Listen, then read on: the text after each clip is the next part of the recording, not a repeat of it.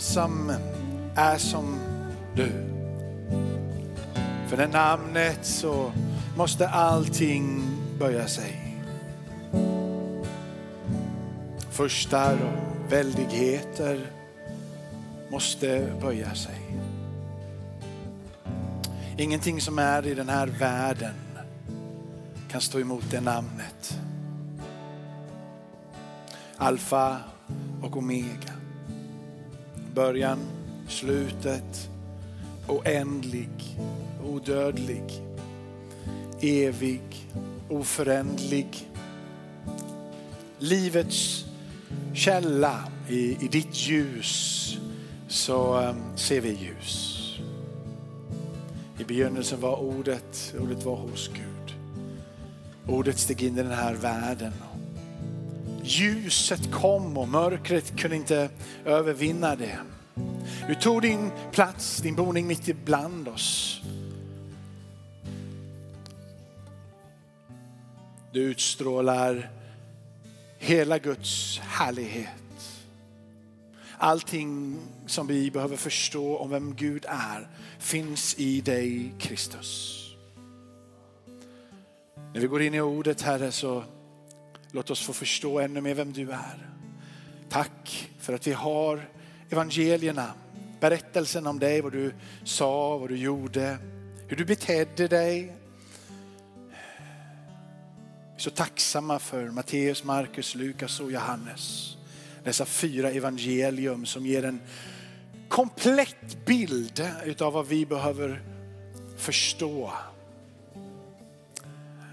Tack för att du levde för våran skull Jesus. Tack för att du eh, led för våran skull. Tack för att du dog för våran skull Jesus. Tack för att du uppstod för våran skull Jesus. Tack för himmelsfärden och tack för att du där lovar att en dag komma tillbaka. Jesus, du är centrum av allt. Dina ord är vårt liv. Dina ord är näringen för allting som vi är, allting som vi har. Ditt ord är liv. Ditt ord är ande. Och du säger själv att det som är fött av ande, det är ande. Det som är fött av kött, det är kött. Men det som är fött av ande, det är ande. Tackar dig för att du bor i oss. Anden har blivit utgjuten. Du bor i oss. Den tredje personen i Gud om den heliga ande, Jesu Kristi ande bor i oss. Amen. Lär oss, undervisa oss, hjälp oss. Amen. Amen, amen. Varsågoda och sitt ner om du kan. Tack så mycket gänget. Akta så ni inte trillar i den där graven. Vad härligt. Hör fantastiskt. Jag vet att, vet att du satt här förra söndagen och grät, för då hade vi dop också. Så att du grät. Jag måste, jag måste, jag måste, jag måste döpa mig. Det är fantastiskt. Och, och, och Chris, jag hörde din berättelse också. Visst var det så att du, hade, du gillar att argumentera? och, och, och liksom föra en debatt av olika saker, både stort och smått och sådär. Och så mötte du en ateist som sa att inte Gud finns. Och då så kommer det ut ur din mun att jo det gör han visst. Ungefär sådär. Och så börjar han ta reda på om Gud finns. En fantastisk berättelse. Man blir äggad för att säga saker som man kanske inte vill säga. Men så säger man det ändå. Vet du det, vi skapar alla oss behov när vi inte behöver det här. Och jag, jag är specialist på att skapa behov som jag egentligen inte behöver. Och det går i arv till mina barn. Och så, så jag har min, min lilla son Elton. Han spelar någonting som jag, vissa av er kanske vet vad det är, vissa som Andrew som är så gammal. Så, så, så, så Han, eh, han spelar någonting som heter Fortnite. Och det går egentligen ut på att man ska vara lite lömsk och gömma sig lite och springa och döda grejer och sånt där. Så det är ju, det är ju uppfriskande spel i sig själv. Men det som är, det som är det fina med det här spelet då för alla som är åtta år och uppåt och vad de nu är när de spelar det här, det är att det är gratis. Så, så får man ladda ner det här gratis och så börjar man spela det här spelet. Och när man börjar spela det här spelet så blir man ju fast i det här spelet. Så du kan ju liksom inte tänka på någonting annat, inte göra någonting annat utan du är helt fast. Och det är ju gratis. Ja, till en början ja. ja. För sen så ska du ju ha massor med onödiga prylar i den här eh, liksom spelet. Olika dräkter du ska ha på dig. Du behöver inte den här dräkten för att spela spelet men du vill ändå ha den här dräkten. Och du ska ha liksom, man, man har någon hacka där de ska slå för att de ska få ved och stenar och allt vad det nu är. Och då kan man utsmycka den här, den här hackan och så kostar det oändliga pengar. Och så pratar de om i skolan, jag har den här, liksom vad det nu än heter, vad kallar de det? Ut, ingen, som, ingen som vet vad det här är. Ingen som vet vad Fortnite är. Ge upp! Du vet vad Fortnite är? Skins säger man. Menar ni på riktigt att ni inte hänger med? Det här är ju så stort så att det liksom håller på att ta över hela världen. Då ska jag berätta en berättelse till om det här. Det, det, det är på riktigt, det är hur stort som helst. Så den som är, den som är störst av alla, han heter, han heter Ninja. Och han har miljoner följare på, på de här Youtube-kanalerna och så vidare. Då, va? Han sitter i, sitter i USA och han är den stora idolen för alla som är 8, 9, 10-åringar. De sitter och kollar på den här och sitter Ninja i USA. Då lägger han upp bilder där han sitter och spelar. Och så skapas det någon form av liksom falsk upplevelse och känsla av att Ninja är fantastisk och vi behöver Ninja för att förstå det här spelet. Och han är vanlig kille i 25-årsåldern eller någonting i den stilen. Och han sitter där och spelar och spelar och alla följer honom. Så var det, var det på en skola här i Västsverige. De skulle ha en friluftsdag. Och då fick alla välja, och då var det några i klassen som skulle sitta och spela Fortnite i skolan. Och då var det en kille i klass, en klass där som inte det var någon som ville spela med. Han blev helt enkelt mobbad. Han fick inte vara med och spela. För man kan nämligen samlas på nätet online. Och så spelar man tillsammans på, på nätet. Och i det här då så säger den här mamman, eh, lägger ut på, på Facebook och på, liksom, eh, på Instagram eller vad man hon nu skrev på sociala medier och talar om att eh, alla ska spela Fortnite. Men det finns ingen som vill spela med min son. Och jag ska jobba. Finns det någon som kan förbarma sig och spela Fortnite med min son härifrån väst i Göteborg, tror jag, liksom här på den här sidan. Och tror du eller inte, det här sprider sig på nätet så att den här Ninja ifrån USA svarar och säger, ja, så spela med din son när han har det. Och helt plötsligt kan han komma till skolan och spela, jag har Ninja som min vän på nätet. Liksom. Men vad, det hörde inte typ till predikan det jag sa där. Men, men den här känslan av jag behöver det här skinnet, jag behöver det här vapnet. Du behöver absolut inte det, men det skapas där ändå. Eh, det, perverterat. Vad är riktigt? Vad är falskt? Vad är sant? Vad är bra? Vad är det jag verkligen behöver? Vad är det jag inte behöver? Vad är det jag skapar i mig som jag egentligen inte behöver, som jag tror att jag behöver? Igår så var jag ute och plockade svamp. Det snöade, jag vet. Och det var emellan, det var emellan eh, snö och vädret. Och så är jag på väg in i skogen och när jag kommer ut där i skogen så möter jag en man som går emot mig. Och jag ser att hans korg är tom. Så jag frågade honom, hittar du ingen svamp? Eh, nej, det, det, finns ingen svamp i den här skogen. Det, det, är dåligt här, det, det, är helt värdelöst. Och då vet ju jag, som har varit där innan, att vi har gått hem med ungefär sex stycken sådana, du vet, sådana stora korgar hem därifrån med svamp i. Så jag vet ju att det är svamp. Jag säger ju inte det till honom. För att, för att jag tycker att han har varit för lite enträgen. Men jag fortsätter rakt in, ungefär från samma ställe som han kom ifrån. Och jag gick hem med en halv korg ungefär igår. Ehm, precis då det började snöa så då gick jag därifrån. Men eh, vad jag vill säga idag är att det finns mer. Ge inte upp bara för att du inte hittar det. Ge inte upp för att du tror att det inte finns eller för att någon annan säger att det inte finns. Hade jag, hade jag liksom tagit han på hans ord så hade jag inte fortsatt gå in i den skogen. Jag hade vänt, men vet ni vad det fina var? Och det fina är att jag har en erfarenhet utav den där skogen. Jag har en erfarenhet av vem Gud är. Jag har en erfarenhet av vem den heliga ande är. Så när jag är på väg på ett håll och någon säger att det finns inte så mycket mer där, det finns inte mer att få. Så kan jag peka på min erfarenhet, mitt möte med Gud. Och så jag vet, jag har mött han där. Ibland så är det inte bara så självklart, ibland får man faktiskt leta lite efter Gud och efter svampen eller vilka bilder du nu än får för dig. Men jag går vidare, jag går på och när du går vidare och går på till den platsen där du vet att du har mött honom så kommer du återigen att få möta honom.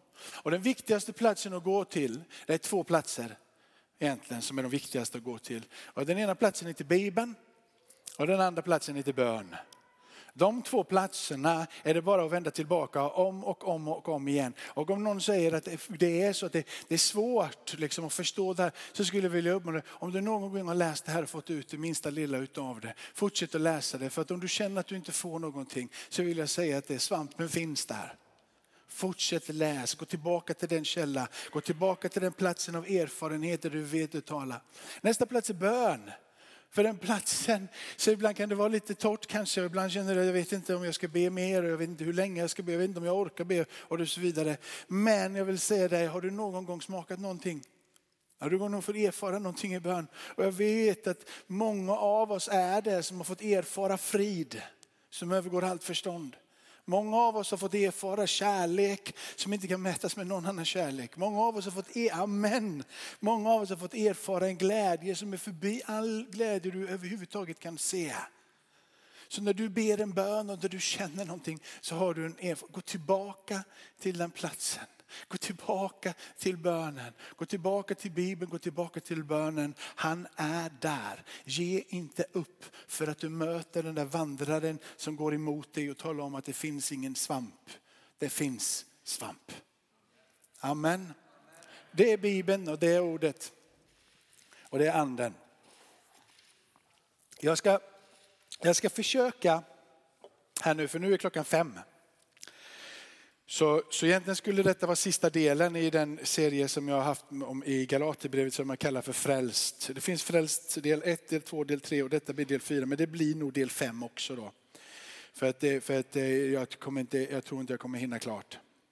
Eh, vad sa du? Jag är för långsam, jag pratar för långsamt. Vi tar, vi tar kapitel 6, Galaterbrevet 6 och vi läser bröder om någon skulle ertappas med en överträdelse, då ska ni som är andliga människor med mild ande upprätta honom. Men se, inte, eh, men se till att inte du också blir frestad. Bär varandras bördor så uppfyller ni Kristi lag. Den som tycker sig vara någonting fast han ingenting är, han bedrar sig själv. Var och en ska pröva sin egen gärning. Då kan han eh, ha sin stolthet för sig själv och inte jämföra sig med andra. Var och en ska bära sin egen ryggsäck. Det är ju inte, det är inte, alltså, det är inte ryggsäck så va? Utan det är ju med att det är en börda. Men den som får undervisning i ordet ska dela med sig av allt gott till den som undervisar honom. Bedra inte er själva. Gud lurar man inte. Det människan sår, det ska hon också skörda. Den som sår i sitt kött får av köttet skörda undergång. Men den som sår i anden får av anden skörda evigt liv. Låt oss inte tröttna på att göra gott. För när tiden är inne får vi skörda om vi inte ger upp. Så låt oss därför göra gott mot alla medan vi har tillfälle. Och särskilt mot dem som tillhör trons familj. Amen, så lyder Guds ord. Vi har varit inne i Galatbrevet och eh, vi har kommit ifrån kapitel 5, en, en, en resa med den eh, han säger vandra i anden eh, och gör det som, som, eh, som, som är rätt. Han pekar emellan den här upproriska sidan som finns i dig och mig, ett, ett kött eh, och sen så pratar han om den där anden som finns i dig. Och en, en, en idé som Paulus målar upp är ju att tjäna varandra och älska varandra. Och den som älskar tjänar varandra så binder han de två samman innan han går och pratar om lite av den här kampen däremellan. Eh, och jag tror att Paulus när han gör det, tjänar varandra i kärlek, eh, ömsesidig respekt och hela det Jag tror att han eh, egentligen citerar Jesu egen, egna ord i Johannes 13. Där han först tvättar lärjungarnas fötter och sen säger att detta bud ger jag er, det här säger jag till er, så här ska ni göra, att ni ska faktiskt älska varandra. Ni ska älska varandra. Eh, I den här resan när han pratar om anden, hur den här anden som är blivit utgjuten ska vara den som är drivkraften och det som föder och det som tar dig vidare i det liv som Gud har för dig. Så var vi inne förra, förra söndagen och pratade om hur gör vi detta rent praktiskt? Ja, det är ju att Jesus får vara i centrum, att du håller dig till Jesus, att du lyssnar till Jesus, att du talar med Jesus, att du lever inför hans ansikte. Och eh, det som är det revolutionerande med det är det som jag sa inledningsvis med att leva i ordet och gå tillbaka till den platsen. Johannes 6 ehm, är rubriken på det är livets bröd. Jesus pratar om att han är det brödet som har kommit ner ifrån himmelen. Och han ger klart uttryck för att det som kommer ner ifrån himmelen det är ande och det är liv. Så han säger om sig själv att det jag säger och det jag kommer med, ät mitt bröd, ät mig. Där finns ande och där finns livet. Livet är där. När vi kommer utanför det här, när vi stannar av eller vi ställer oss på platsen som är utanför det här, så är det inte bara det att vi väljer bort det som Gud ger av ande och liv. Vi ställer oss bortanför den ständiga förlåtelsen. Vi ställer oss bortanför den nåd som Gud vill att vi ska vara verksamma. Så det är inte bara att när vi vänder oss bort ifrån ordet eller bort ifrån Jesus, att det som är ande och liv inte fortsätter fungera i oss. Utan vi ställer oss också på den platsen av oförlåtelse. Vi ställer oss på den platsen där nåden, den ständiga förlåtelsen och omfamnandet utav Jesus inte längre är där på samma klara sätt som när vi lever i det ord som han vill ge oss. Livet, ditt liv på något sätt, om, om jag får, det, det låter lite, lite det låter liksom lite klyschigt men ditt liv ska behärskas av den heliga ande. Och det, när jag säger behärskas av den heliga ande så är det ju inte att du, du stänger av någonting och så trycker du på autopilot och så bara fungerar alltihop. Liksom. Och du behöver inte längre tänka längre för du ska tänka. Du behöver inte längre ha någon vilja, du ska ha vilja. Du behöver inte längre, liksom, jo det ska du, du är fortfarande fullt ut människa. Men du har tagit emot den kompass som Gud har gett dig. Du har tagit emot det livet så du vet vad som är rätt och du vet vad det är som är fel. Och du vet att han vill leda dig och mig. Och han överöser detta. Och jag bara känner innan jag går in i kapitel 6 måste jag prata om detta. För att det är nämligen så här att hela grunden för att förstå kapitel 6 landa just i kärleken, andens motivation, andens liv, ordet får verka. Så du kan inte bara hoppa in i kapitel 6 och läsa det här utan att förstå var han kommer ifrån när han tar med oss in i det. Så han ger ett totalt avtryck av detta andefödda liv som är grundat på Jesu ord, Jesu ord till förvandling. Paulus när han skriver, skriver inte utifrån, alltså han sitter inte där och försöker hitta på en ny filosofi. Utan Jesus sitter och går tillbaka till det som han har tagit emot av Jesus själv. Det som är förankrat i kyrkan, det är det han andas ut. Paulus försöker inte vara smart. Paulus försöker inte lägga ut texten göra den bättre eller göra den sämre. Paulus försöker inte göra massor med knorrar för att få människornas belöning och beröm. Så som man pekar på innan här att vissa lärare försöker. Han är inte ute efter att bli celebrerad eller saluterad och upphöjd. Han är ute efter en enda sak och det är att få predika evangelium så som det ska predikas. I frälsning genom Jesus Kristus. En fullständig och återupprepande förlåtelse förlåtelse genom hans nåd som blir utgjuten om och om igen när du kommer till honom i omvändelse. Därifrån säger han, så ska ni förmana varandra. Därifrån ska ni hjälpa varandra. Därifrån ska ni uppmuntra varandra att fortsätta att göra det som är rätt och det som är riktigt. Han ger den grundliga förståelsen för måstet utav den innerliga gemenskapen med Jesus för att kunna hjälpa varandra att gå vidare. Paulus gör aldrig misstaget att tala om felet och bristen innan han har talat om vägen in i gemenskapen med Kristus. Så när Paulus förmanar och uppmanar och försöker hjälpa dem så gör han det först efter han har lett dem in i den gemenskap med Jesus som alla behöver. Först därefter börjar han tala om vad som är rätt och vad som är fel. Ingen ska tro, tror jag andas ut i de första raderna. Ingen ska tro att det går att leva oberoende av andra. Bröder, förmana, hjälp varandra. Det är som att han talar om att ni är i fullständigt behov av varandra. Du har blivit frälst och det är personligt. Men det finns ingen individualistisk vandring. Vi hör ihop och vi behöver varandra. Och sen så man kommer ihåg att han säger också så här i undertonen. Du vet, säger att det finns faktiskt ett krav i det här. För att uppfylla Jesu Kristi lag som vi ställer, det är att du hjälper andra.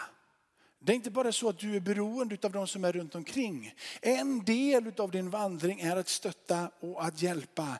Du kan inte ta platsen bakåt utan i den här gemenskapen som föds i Guds familj så fungerar vi och arbetar gemensamt för allas bästa.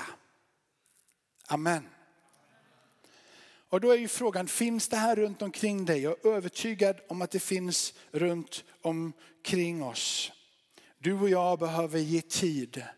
Och vi behöver närma oss de människor vi har runt omkring oss. I kärlek till Gud och människor och i ödmjukhet inför det uppdrag som Gud har satt oss till. Det är det jag tror han säger här. Att det finns en respekt för varandra och ett måste att hjälpa och ett påbud att hjälpa. Jag tror att vi ska passa oss för att försöka säga att ah, jag har så mycket, min uppgift är så viktig så jag kan inte hjälpa. Det vill säga att min uppgift att predika ordet, det är så viktigt så jag kan inte hjälpa. Vi, vi är alla kallade att hjälpa. Din uppgift möjligtvis hjälper andra på det du gör. Men det är aldrig så att du och jag kan gå förbi den som stå, sitter eller står jämte oss på gatan. Om vi vänder den personen ryggen på gatan som är i behov av vår hjälp så gör det inte någonting alls att vi har den här stora uppgiften att hjälpa de många här borta. Vi kan aldrig missa den minste. Vår uppgift är att se dem och hjälpa dem. Vi kan aldrig gömma oss bakom att jag har ett större uppdrag. Vi kallar det in i det lilla. När Paulus pratar på det här sättet, vi tar tre, fyra minuter till bara, vi kommer nog bara komma första, första versen här eller två. Men, men eh, vi har ju, det finns ju fler söndagar då, om inte Jesus kommer tillbaka. Amen, han kommer tillbaka, kommer han tillbaka. Då gäller det att vi vänder om här sen idag. Vilket fall som helst så är det så här, Paulus är ju väl medveten om, det är det han egentligen säger här, okej, okay, okay, ni kommer att göra överträdelser.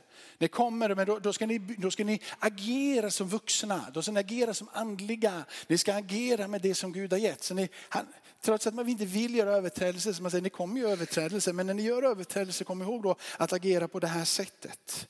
Ni ska agera utifrån det här livet som har kommit.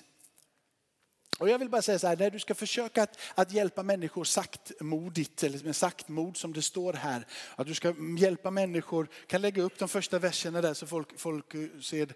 När man ska hjälpa människor när de har gjort de här och vi ska göra det på det här sättet och, och så vidare. Så måste vi komma ihåg här, eh, vi måste komma ihåg det här att, att du och jag, när vi tillrättavisar någon, kan bara göra det om vi är syndamedvetna i vårt eget liv. Det, det, det, när du inte är medveten om din synd och du inte söker nåden så kommer du bli hård när du tillrättavisar någon annan. Och det är bara de som är hårda i sin tillrättavisning som inte förstår vad de själva har tagit emot. Är du med? Så det den som har tagit emot mycket förlåtelse kommer aldrig stå där och vara arg över någon annans misstag.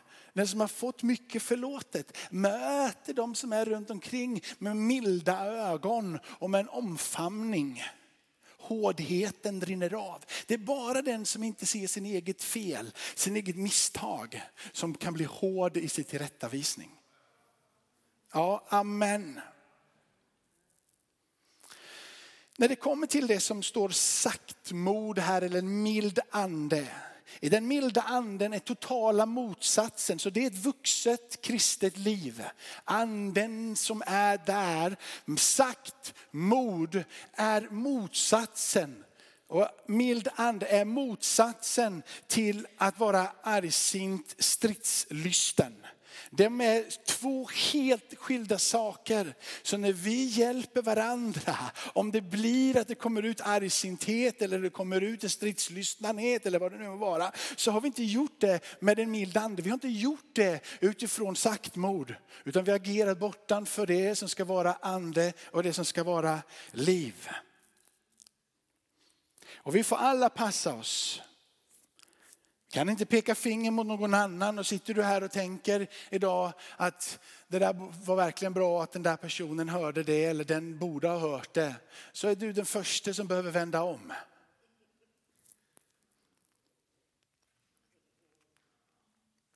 Och i det här sammanhanget, för att gå till det sista, jag pratar i vers två nu då. I det här sammanhanget med den här bakgrunden med den här äh, förståelsen om, om att älska och tjäna varandra, om nåden, att vara driven av anden och livet i anden. Den här med den milda anden så säger han härifrån, jag måste få säga det, bär varandras bördor. Hedra, hjälp varandra, stötta varandra. Och sen då uppfyller ni Kristi lag. Kristi lag, att älska Herren din Gud av hela ditt hjärta, att älska dina medmänniskor och att älska dig själv. Du uppfyller det när du bär varandras bördor. Amen. Amen. Vi kom, vi kom två verser. Men eh, vi får, vi får, ja, det var, ja, vi får fortsätta. Ska vi be tillsammans? Hoppas att ni förstår vad det är jag försöker säga. Att om du känner att du inte har kraften att hjälpa eller kraften att förlåta så finns det två platser att gå till. Och det är Bibeln och det är bönen. Om du känner att du inte orkar förlåta och kraften att gå vidare och du känner att det ger ingenting att läsa Bibeln och det ger ingenting att be så skulle jag vilja säga fortsätt, svampen är där. Svampen är där. Svampen är där. Han lovade i sitt ord och hans ord är sanningen. Oh, jag tackar dig Fader i himmelen för att vi får gå in i, i avslutningen av den här gudstjänsten Herre. Att vi får läsa ordet på den här platsen och att vi får verka tillsammans med anden. Att ordet och, ordet och anden får verka Herre över våra liv och forma mig, förvandla mig först och främst Herre. Låt mig få komma in Herre i ödmjukhet till de som är nära mig Herre. Innerlighet och kärlek Herre. Låt ditt ord få verka på alla våra hjärtan Herre. Så att vi kan gå vidare och in i det som är löftena i dig Kristus. Heligande kom. Heligande ta över den här lokalen nu. Heligande ta över. Heligande vi, vi ber att låt dina gåvor som du ger fritt och förintet. För uppbyggelse, uppmuntran och tröst. Låt dem få verka i slutet av den här gudstjänsten. Vi ber om hälsningar ifrån himmelen. Vi har en förståelse av korset. Öppnade ögon. Låt dina gåvor vara i funktion när vi ber för varandra här på slutet. Jag ber från djupet av mitt hjärta. Om du är här, amen, om du är här och vill bli frälst så tror jag det är, det är en fantastisk söndag att bli frälst på.